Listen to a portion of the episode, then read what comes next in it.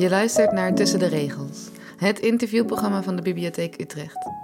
In dit programma interviewt Oscar Kokke steeds een schrijver die om een of andere reden op dit moment gesproken moest worden. Wanneer mijn onuitgesproken woorden mij te veel worden, loop ik de straten in. Elke steeg die ik zie, elke straat die ik tegenkom, loop ik in en volg ik tot eind. Ik laat er mijn heimwee en verdriet achter en hoop dat mijn gevoelens zullen verdwalen. In deze aflevering Cholet Rezazadeh. Welkom.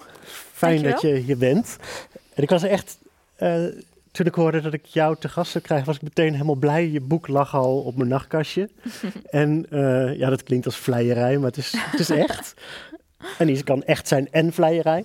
Um, maar het was grappig, want ik had jouw boek ergens in een, uh, in een etalage van zo'n zo'n eenzame boekhandel in die uitgestorven straten gezien. Oké. En zonder dat ik iets wist van het boek, heb ik Mhm. het besteld. Oh. Puur op basis van de kaft die ik misschien wel de mooiste vind die ik in tijden heb gezien. Oh. Dus zullen we daar eens gewoon beginnen? Als jij kijkt naar de voorkant van De hemel is altijd paars, eh, Ja. wat, wat, wat zie jij? Eh, ja, ik zie vooral eh, gebouwen van Amsterdam. En een beetje ja, verhaalachtige sfeer. Dat mm, je moet even denken dat, oké, welke verhalen ga ik eh, lezen? Of, of eh, wat krijg ik hier? Je hebt het gevoel van, je wordt uitgenodigd naar een reis of zoiets. Dat gevoel had ik tenminste. Dus ik, wil, dus ik, ik krijg een beetje zin in om even mee te gaan. Mm, mm, Voel jij, een, voel jij een, een, temperatuur? Ruik je iets als je dit ziet? Ehm, ja, dus eh, ik zie de paarse hemel. eh, en dat geeft, ehm, eh, ja, dat geeft warmte. En ehm, ja, ik zie ook een soort van verborgen zomer. ik weet niet wanneer, waarom, maar ja, het is, ik denk dat het best warm, warme kaft is. Ik was benieuwd hoe je hierover zou vertellen, omdat het boek dat je geschreven hebt, De hemel is altijd paars, ehm, het is een boek waarin in bijna elke zin een geur, een, een smaak, een temperatuur, een klank, een, alles heeft een, een, een, een ge- een gevoel. Dat is, het is een heel rijk en zintuigelijk boek. Ik was benieuwd hoe je daarover zou spreken. Maar ik was ook benieuwd of je zou benoemen wat er nadrukkelijk juist ontbreekt in dit plaatje. Want wat ik niet zie, ik zie wel een stad, de gevels, de daken, Mhm. ik zie de hemel, Ja. die paars is. En ik zie iets niet, twee dingen niet die heel belangrijk zijn in het boek. Ik zie geen bergen, ik zie geen bomen. Ja. ja, klopt. Voor de hoofdpersoon zijn eh, bergen en bomen heel belangrijk. Hoofdpersoon is een eh, jonge vrouw die recent uit Iran naar Nederland is gekomen. Ja. Zij eh, heeft een tweedehandswinkel. En eh, ja, het, het verhaal begint eigenlijk met dat ze een brief op de deurmat vindt. Een brief van de gemeente. Een brief die omschreven wordt, of de gemeente die omschreven wordt als drie kruisjes. En in die brief staat dat de bomen tegenover de tweedehandszaak gekapt gaan worden. Ja. Dat is eigenlijk het startpunt van het boek. Ja. Waarom, we gaan het straks over die bergen hebben, maar waarom zijn die bomen zo belangrijk voor haar? Ehm, eh, ja, ik heb, ehm,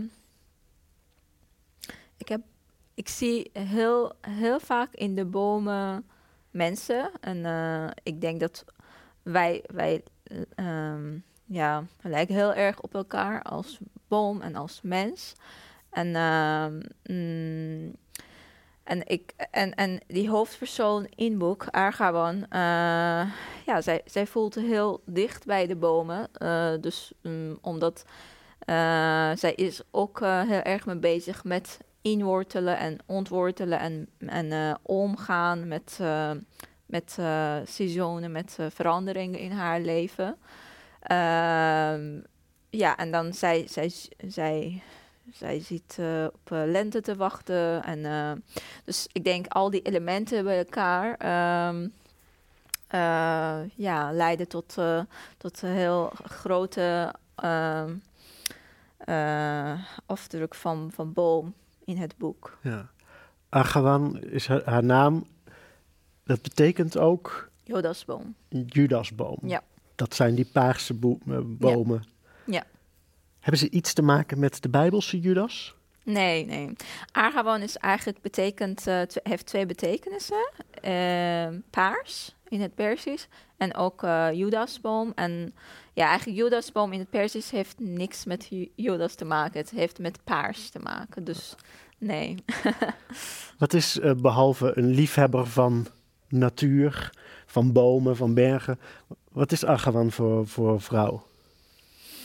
Uh, ja, zij probeert vooral een beetje mm, mensen te begrijpen. Dus niet door heel um, eenvoudige vragen of uh, heel, heel normaal, maar vooral juist door observeren of een beetje van afstand kijken of een beetje achter te komen dat wat, wat, wat, wat is echt in hun hoofd. Dus niet dat wat, wat ze vertellen, maar wat ze echt denken of wat ze hebben ze echt eh, meegemaakt. En uh, ja, zij voelt uh, zich op, op, een, op een manier niet echt thuis. Uh, of in deze wereld, of nu in dit land. Maar ergens, uh, zij is vooral op zoek naar um, opbouwen van eigen, eigen leven in, op haar eigen manier. En uh, dus ook op zoek naar verbinding met mensen die ook een beetje niet thuis voelen in de wereld, in, in een land of ergens. Um, ja, zoiets, denk ik. dus uh, ja, het is een beetje moeilijk om echt uit te leggen dat, uh, ja, maar zoiets. Ze zoekt naar wortels, naar nieuwe wortels, wat haar oude wortels waren. Um, en ze doet dat inderdaad door die connectie, door de verbinding, door anderen te observeren. Ontmoet nieuwe mensen in die winkel, uh, krijgt kledingstukken binnen, uh, objecten waar ze verhalen bij probeert te verzinnen van wie waren die mensen die ik nooit ja. ontmoet heb. Maakt hele verhalen. Ja. Is heel romantisch. en wordt ook als bij toverslag verliefd op een jongen met de naam Mees. ja, vogel. wat uh, spreekt haar aan? Wat, wat doet dat vuur ontvlammen tussen die twee? Of op zijn minst vanuit haar? Um, ja, dus Mees uh, loopt uh, winkel binnen en um, hij loopt ook met, um, met de woorden over haar. Uh, en dat spreekt haar aan, dat, dat, dat hij heeft ook haar van afstand een beetje geobserveerd, een beetje uh, uh, geprobeerd om te begrijpen. Dus dat is voor haar heel aantrekkelijk. En ik denk, oh, oké, okay, dus... Uh, hij heeft me gezien. Ja. maar ja, mm, van de andere kant, hij is ook heel erg iemand die heel erg uh, bezig is met, mm, ja, met leven in een heel drukke maatschappij. Waardoor hij, hij gaat ook heel, heel vaak twijfelen uh, tussen even tijd nemen en even zitten en even denken of toch doorgaan en dan naar een andere stap en dan verder gaan in, uh, in zijn leven. Niet achterblijven in, in, in, het, in, in deze haastige maatschappij waar iedereen toch verder wil gaan en succes wil krijgen. Dus uh, hij is een beetje mm, ja, aan het twijfelen tussen deze twee werelden. Uh, hij is ook muzikant, maar een mm, soort van mm, als hobby-muzikant. Dus, uh, dus misschien, ja, ik weet niet of, ik, of moet ik zo zeggen, maar misschien liefde of observeren van mensen is ook een soort van hobby voor hem. Dat, dat, dat weet Argawan nog niet. Of um, komt ze mm, niet zo snel achter. De dingen die zij leuk aan hem vindt, die zijn voor hem eigenlijk een beetje bijzaak. Een beetje ja. vrijblijvend. Terwijl het voor haar de kern is. Ja, precies. Ja, dus, uh, dus ze komen even in, uh, ze komen elk, even elkaar tegen. Maar op, op een fase die voor hem is even stoppen en doorgaan. Maar voor Argawan is ik ben hier en ik blijf hier en hier wil ik staan. Dus, maar ja, ze komen even elkaar tegen. Het is een ontmoeting tussen twee werelden, waarvan een van de twee zich gaat afvragen of ze eigenlijk überhaupt wel in deze wereld past. Ja. En je noemde het net al, die wereld gaat niet per se over Nederland, het gaat niet per se over Amsterdam, dat gaat over het hele universum. Ja. Um, over nu, over ja, wat ja. nu allemaal aangaande is. Ze krijgt van verschillende kanten van haar beste vriendin Anna te horen, van uh, de, de weduwnaar Johan. Uh, uh, Johan zegt, je bent een, een gevoelig mens. Anna zegt, in deze wereld is geen plek voor romantische en overgevoelige mensen. En ze herinnert zich daardoor de woorden van haar Iraanse vader.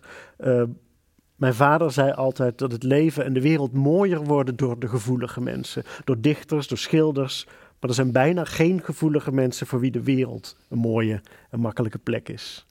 Mm, ja. Het lijkt me een behoorlijke kern van het boek. Ja, ja goed gezien. ja, zeker. Ja. Dus uh, ja, dat is een beetje mm, paradox van uh, wij kunnen niet zonder kunst, wij kunnen niet zonder uh, muziek, literatuur, alle vormen van kunst.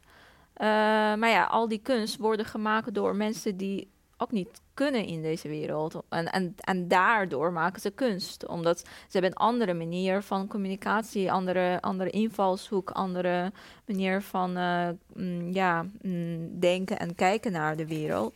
Dus dat is een heel grote paradox. En uh, ja, dat, dat vind ik interessant. En uh, daarom mm, komt ook vaak in een boek uh, terug. Dus uh, ja, mensen waarderen dichters, muzikanten, maar als het, maar ja, um, heel vaak gaat ook mis of ja, worden niet echt goed begrepen of ja, toch um, ja, is, is, moeilijk voor hun. In deze wereld is geen plek voor gevoelige mensen. Ik, ik vroeg me af toen ik dat las. Bestaan er eigenlijk werkelijk bestaat er onderscheid tussen gevoeligheid of bestaat er onderscheid tussen het uiten van die gevoeligheid? Zou misschien, ik weet het niet, maar zou het grote verschil zitten in sommige mensen waarvan je zegt die is gevoelig? Dat komt ook alleen maar omdat je dat weet van die ander. En dat komt alleen maar omdat diegene het heeft geuit. Ja. Um, ja, ik weet niet of. We vergelijken onze binnenkant altijd met de buitenkant van iemand anders. Ja, ja, dat is, ja, dus dat is ook een, uh, dat is ook een, uh, een van de dingen die soort van gesproken wordt in het boek. Dat ja, eigenlijk uh, je weet, je weet helemaal niet dat wat, mm, wat speelt in, in, in iemands hoofd of hart. Of je weet eigenlijk heel, zo weinig van elkaar. Terwijl dat, ja, uh, je kan allerlei vragen stellen. Je kan heel vaak proberen om, om e-, echt achter te komen dat, oké, wie ben jij? Maar nou, zelfs onze ouders kennen we niet. Onze kinderen kennen we niet. Dus laat staan dat uh, een vriend of, uh, of een vreemdeling. Dus ik denk, ja, dat daar gaat het mis. Dat wij heel heel snel willen iemand kennen en dan zeggen: Oké, dit is deze persoon en dus moet het zo gaan. En dan als het niet zo gaat, dan, is, dan, uh, dan gaat het mis. Maar mm, ja, ik durf nog steeds niet zeggen dat ik mezelf helemaal ken. Dus laat staan die andere mensen. dus uh, ja, dat is. Nee, de frustratie kan eruit ontstaan. Je kampt zelf met iets wat je heel ingewikkeld vindt. En ik denk, hoe is het toch mogelijk? Cholet, die, die, die zit, zit daar helemaal niet mee. Ja. Terwijl, dikke kans dat je er wel mee zit, ja. maar het gewoon nog niet verteld hebt. Ja, ja, of we nog geen tijd hadden om daarover te hebben of, on, of, uh, of ons te outen. Of uh, was geen uh, goede tijd of situatie of ruimte voor. Tegelijkertijd kan je je, zoals wat in het boek gebeurt, ook afvragen of soms een gevoel niet sterker wordt juist doordat iemand het uit? Uh, ja. Ja, dat is ook zo. Um, Ja, ik denk dus dat is, ehm, dat is een van de mm, grootste mm, ehm, angsten dat wij hebben. En, en het is ook altijd een soort van eh, in je hoofd mm, eh, competitie tussen geluiden, eh, tussen stemmen. Dat, oké, moet ik nu echt zeggen wat ik denk en wat ik voel? Of, of juist niet? Of, of gaat die persoon te, zeg maar, soort van mm, misbruiken? Of juist komt goed daardoor? Dus ehm, ja, het, is, het blijft, blijft voor. ehm, en ik denk dat komt ook deel, deel van dat komt uit eh, dat we zo afhankelijk zijn van, van de taal, van de woorden, van een bepaalde manier van communiceren die allersnelste en allermakkelijkste is. En dat is gewoon, oké, zinnen opbouwen en dan zeggen dat wat je denkt. En dan, oké, maar terwijl de, ik denk de alle, mm, allerechtste en eh, belangrijkste communicatie zitten niet in de woorden, maar in andere dingen. Dus hoe je ziet, hoe je kijkt, wat je doet, of al die, al die soort van beetje niet, niet, niet eh, verborgen, maar een beetje achtergelaten vormen van Mhm. communicatie die wij, ja, daar- waarvoor wij geen tijd nemen om even ook eh, aandachtig te bestuderen. Luister, ik praat met stille lippen. Ja. is een gedicht dat je in het boek aanhaalt. Van, van welke dichter? Van Geiam, denk ik. Ja. Luister met ehm, stille lippen. Ik praat met. ehm, en antwoord mij met. ehm, Met een blik die de taal van jou en mij is. ja, kijk, je weet het beter. Er staan een hoop eh, citaten, een hoop gedichten Ja. in het boek. Ja. Van Perzische dichters, Ja. neem ik aan. Mm, Vooral, ja. Ik proef dat de literatuur is sowieso voor de hoofdpersoon heel belangrijk. Mhm. Die gedichten, eh, die ze ook heel veel van haar vader heeft geleerd. Ja. Ik meen te weten, ook voor jou, van wezenlijk belang. Wat is het voor jou het belang van poëzie en literatuur? Ehm, literatuur voor mij, of poëzie, eh, voor mij is een, eh, een eh, veilige, fijne plek. is, een, is een toevlucht misschien. Dat, en daar voel ik me zo veilig tussen al die woorden, al, al die poëzie. En, eh, en ik ben, ja, ik kom, het klinkt, klinkt misschien een beetje cliché, maar ja, ik kom uit een land die overal poëzie te horen en te lezen is. Dus eh, zelfs eh, mensen die niet gestudeerd hebben, ze kennen zeker een paar gedichten uit, eh, uit hun hoofd. En ja, poëzie is heel, heel erg gewaardeerd. Maar ehm, ja, dus ik weet nog dat toen ik heel jong was, ik was al ver, soort van verliefd op literatuur en poëzie. En eh, ehm, ja, het ging heel vaak niet goed in mijn omgeving. En eh, dus, maar, dan, maar dan, ik had alle dichters, alle lieve dichters om me heen. En al die, al die veilige boeken om me heen. En dan, ja, ik, ik deed een boek open en dan meteen was alles... Oké, nu hier, hier voel ik me veilig. Hier is fijn. Hier doet niemand eh, mm, andere pijn of eh, zoiets. Want dat gebeurde in de buitenwereld wel. Ja, het was, eh, ja, het was, mm, het was niet heel fijn. eh, hoe ben ik opgegroeid? Dus en dat bleef een beetje nog steeds in mij. En, en ja, eerlijk zeggen dat ik had het niet eens in de gaten dat zo was. Maar eh, sindsdien dat ik eh verhuisd eh, ben naar een andere land en een beetje afstand heb genomen van al die van, van, ehm, van al die afleidingen van, van om me heen. Ja, dan, dan wil je of wil je niet, ehm, moet je de hele tijd terugdenken aan wat is allemaal gebeurd en waar komt die ehm, nou, ik wil niet zeggen verdriet, maar waar komt die gevoel vandaan? Wa- wa- wat is het?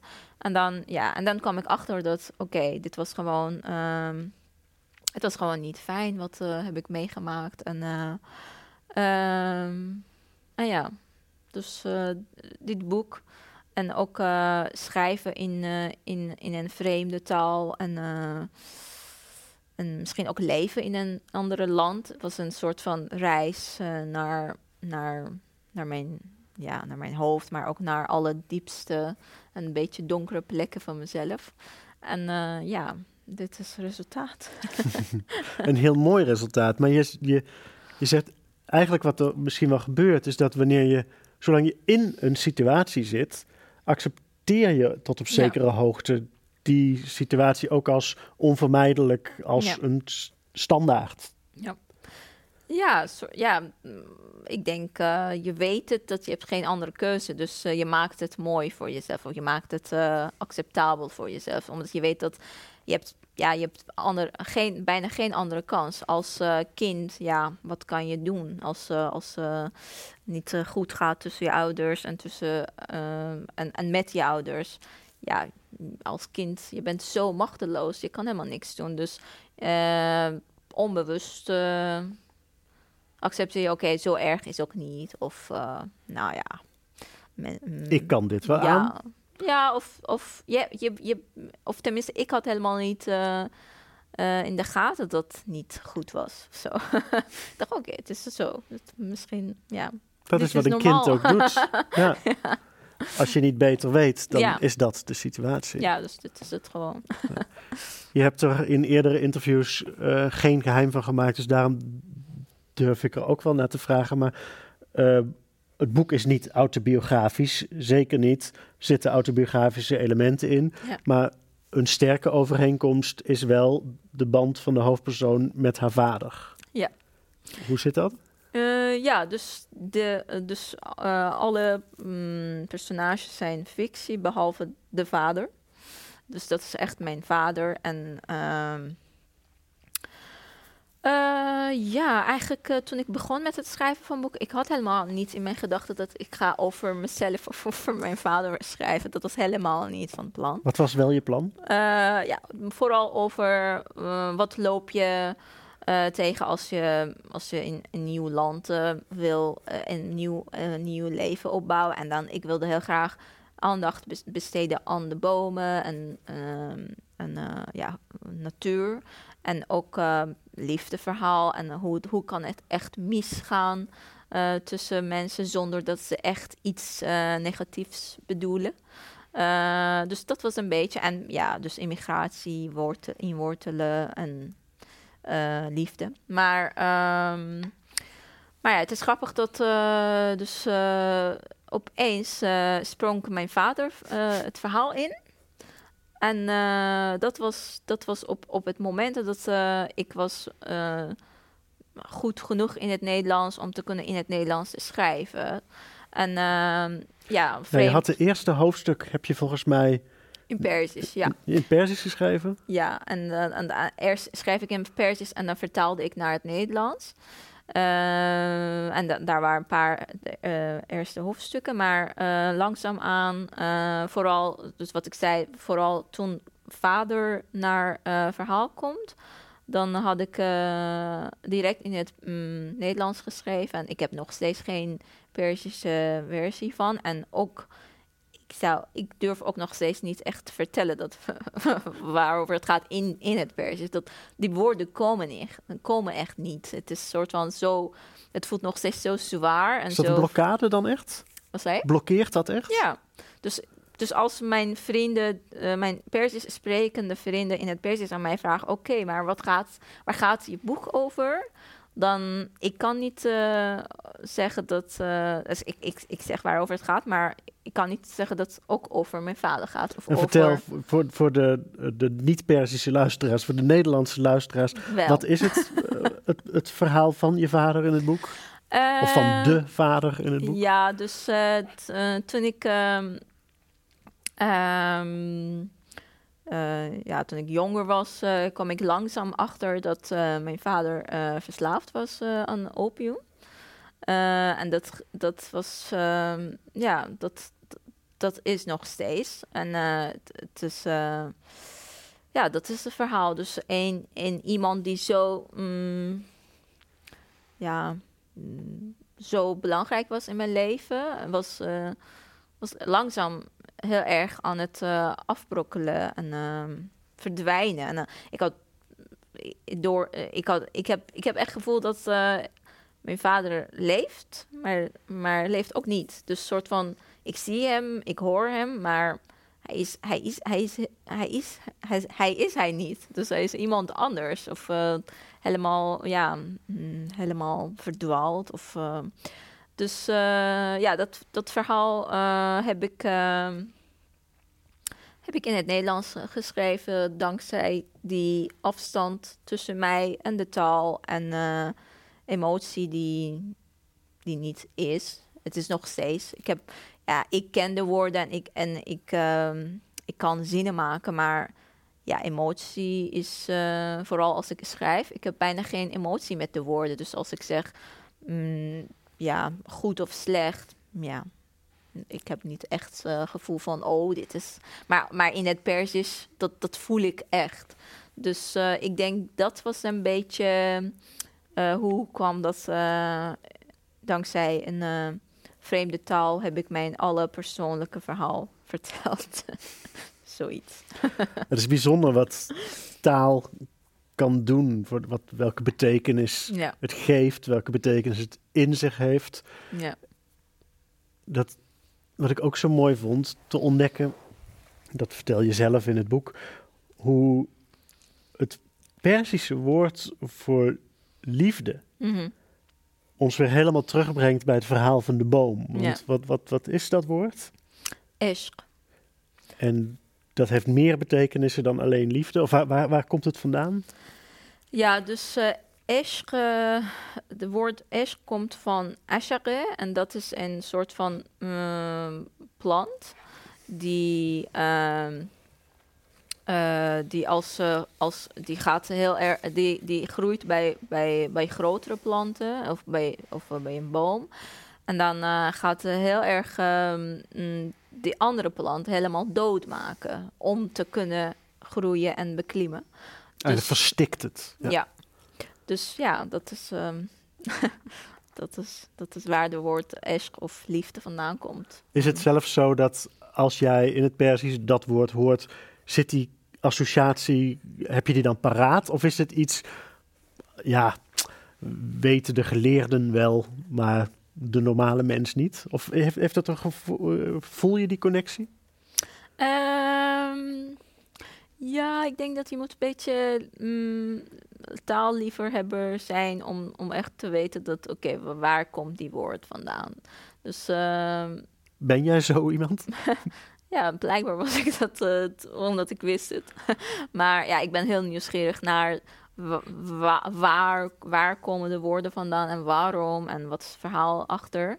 En ja, dat, dat was voor mij best, ehm, best interessant. Dat, oh, zo een negatieve beeld, maar, maar, maar zo een fijne gevoel. soort van, ook misschien ook een soort van opium. Dus een soort van, je weet dat het niet goed is, maar het is lekker. Dus Mhm. ik weet niet of het lekker is, maar... Maar het is nogal een, een, een heftige opvatting om inderdaad liefde primair te zien als iets wat het object van liefde gaat verstikken. Kan je door de liefde degene die je lief hebt nog zien, is bijna de vraag. En dat is ook wat ja. het hoofdpersonage overkomt, is tot over de oren verliefd op Mees. En ik als lezer ben me aan het afvragen, zie jij Mees nog? Door jouw liefde zit die Ja. liefde niet in de weg om Ja. die jongen te zien. En andersom voelt die jongen zich door die liefde niet hartstikke overwoekerd, Ja. verstikt. Ja, ja, ik denk dat ehm, mm, dat is bijna altijd zo dat als je echt verliefd bent of als je heel echt verlangt naar iets, ehm, het gaat vooral over jou dan over de persoon of over de, over de ding. Dus dat is, eh, ja, je bent ehm, gewoon het gevoel, gevoel van, eh, iemand of iets zo, zo erg willen, niet hebben, maar willen, dat is, dat is, dat is genoeg, denk ik. Dat is de, dus los van dat of het gaat iets worden of niet, ehm, dat gevoel is zo, zo mooi en zo eh, aantrekkelijk dat je wil, het, je wil dit gevoel helemaal houden en dan nog langer. En, en ja, soms, ehm, soms heb je geluk en soms niet. het, is, het is niet heel gek dat je het vergelijkt. Je bent niet de eerste natuurlijk die het doet, maar dit vergelijkt met een verslaving, met een drug, met Ja. opium in dit geval. ja. Ja, dus het is, ja, het is, eh, sommige mensen zijn verslaafd aan lezen. En sommige mensen zijn verslaafd aan drugs. Dus ja, het is ook een beetje een soort van geluk. Of ehm, ja, ik weet niet of het geluk is, maar ja. Ja, het, is verslaving, denk ik. Een soort van verslaving. En als je geluk hebt, dan, dan leidt tot een goede eh, resultaat, een goede leven. En als je niet geluk hebt, dan eh, kan ook jou en de anderen helemaal kapot maken. Hoofdpersonage krijgt op een gegeven moment het advies van, nou laten we zeggen, haar beste vriendin, van Anna. Jij neemt de liefde te serieus. Ja.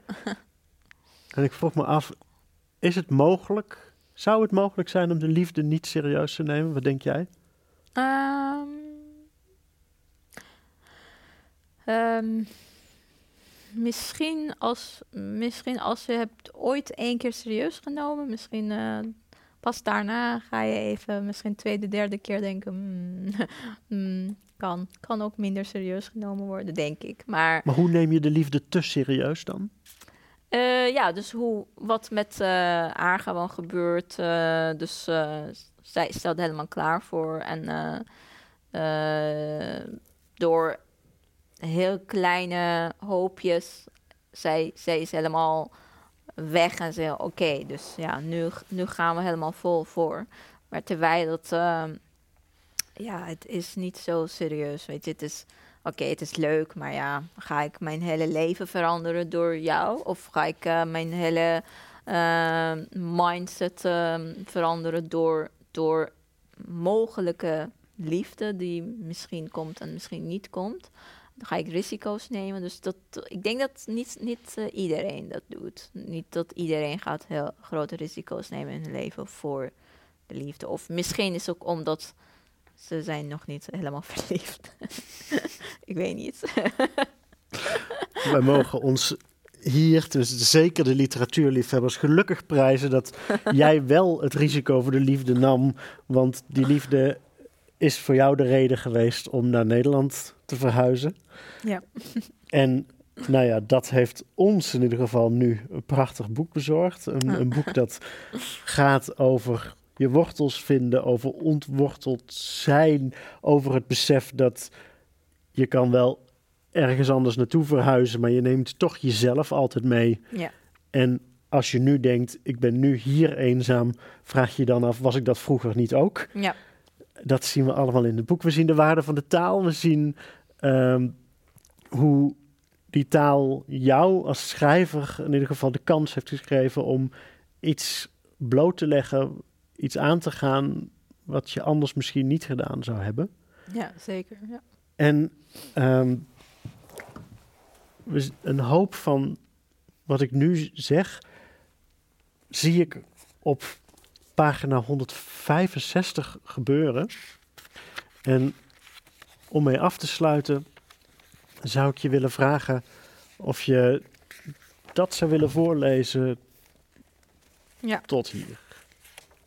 Oké.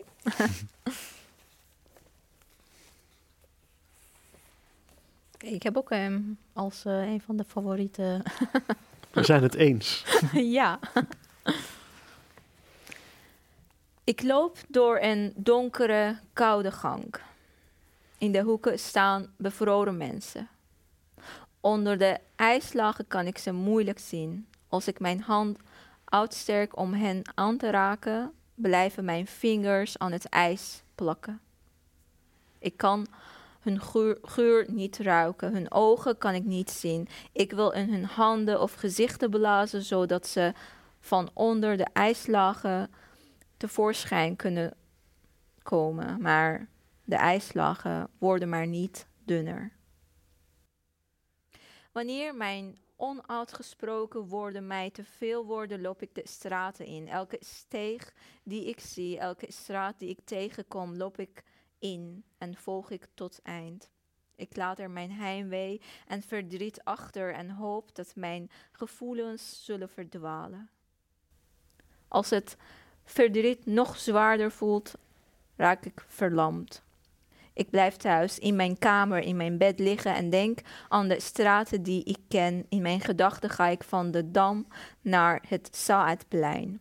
Ik pak de pont bij het Centraal Station en als ik in Noord uitstap, ben ik bij de vijver van het El Gully Park met het geluid van het gekras van kraaien in mijn oren. Ik daal de kleurrijke bergen in de buurt van Tabriz af en bereik de hoogste verdieping van de openbare bibliotheek in Amsterdam. In gedachten fiets ik hard en de cirkelvormige straten eindigen bij de omhooglopende Waliasstraat in Tabriz, de Koetjebach, waar over de lage lemenmuren kale kweepieren hangen, ruikt naar marihuana. Alle theecafés hangen vol met de rook van waterpijpen. Ze schenken er espresso koffie en nog de blauwogige, nog de zwartharigen kunnen er mijn taal verstaan. Niemand weet in welke taal ik, ik, tranen krijg, in welke taal ik lach, in welke taal ik schreeuw. Geen enkele tram, taxi of trein kan me naar mijn bestemming brengen. Als ik verdwaal, verdwaalt ook mijn pijn. Heel erg bedankt. Shola Rezazadeh. Heel fijn dat je hier bij me wilde zijn. En dank voor het schrijven van een heel mooi boek. De hemel is altijd paars. Dankjewel. Leuk dat je luisterde naar Tussen de Regels met Oscar Kokke en Shola Rezazadeh. Meer mooie gesprekken meemaken? Abonneer je op Biep Biep of kom eens langs in de Bibliotheek Utrecht voor een van onze literaire programma's. En lees die boeken.